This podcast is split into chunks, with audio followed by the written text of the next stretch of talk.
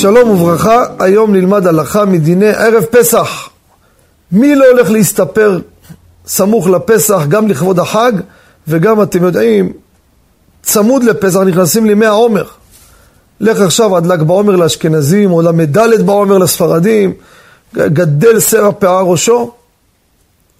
איך יעשה? הוא צריך להסתפר. ואך מה קורה? אנחנו נמצאים מבני אדם, וזה לא ישתנה ולא ישתנה גם. תמיד יש את אלו של הדקה התשעים, וכל שנה, אני אומר לכם, זה לא יאומן, אני צוחק בטלפון פשוט. כמה וכמה מתקשרים, כבוד הרב, נתקעתי. עכשיו נזכרת, הוא מתקשר אליך בשעה שתיים, אומר, אני נראה יהושע פרוע. ועוד מעט נכנס לחג. מה אני אעשה? רוצה להסתפר. יש לי ספר מוכן לספר אותי בחינם. בשביל לא להרוויח כסף, מותר או אסור? רבותיי, מלאכה בערב פסח, שזה כולל תספורת, יש דעות בראשונים איסור דאורייתא. נדבר רק על פסח. ולכן עד חצות היום סוגרים את העסק. אסור להסתפר, בין בחינם בין בשכר. ספרים, תקשיבו טוב, מספרות. תספורת האחרונה, תגמור אותה בחצות. אין, הוא נתקע, אין נתקע. אסור לך, אתה עושה עבירה. אתה עושה עבירה ומכשיל את המסתפר והמספר. סגור לך, תתארגן לחג.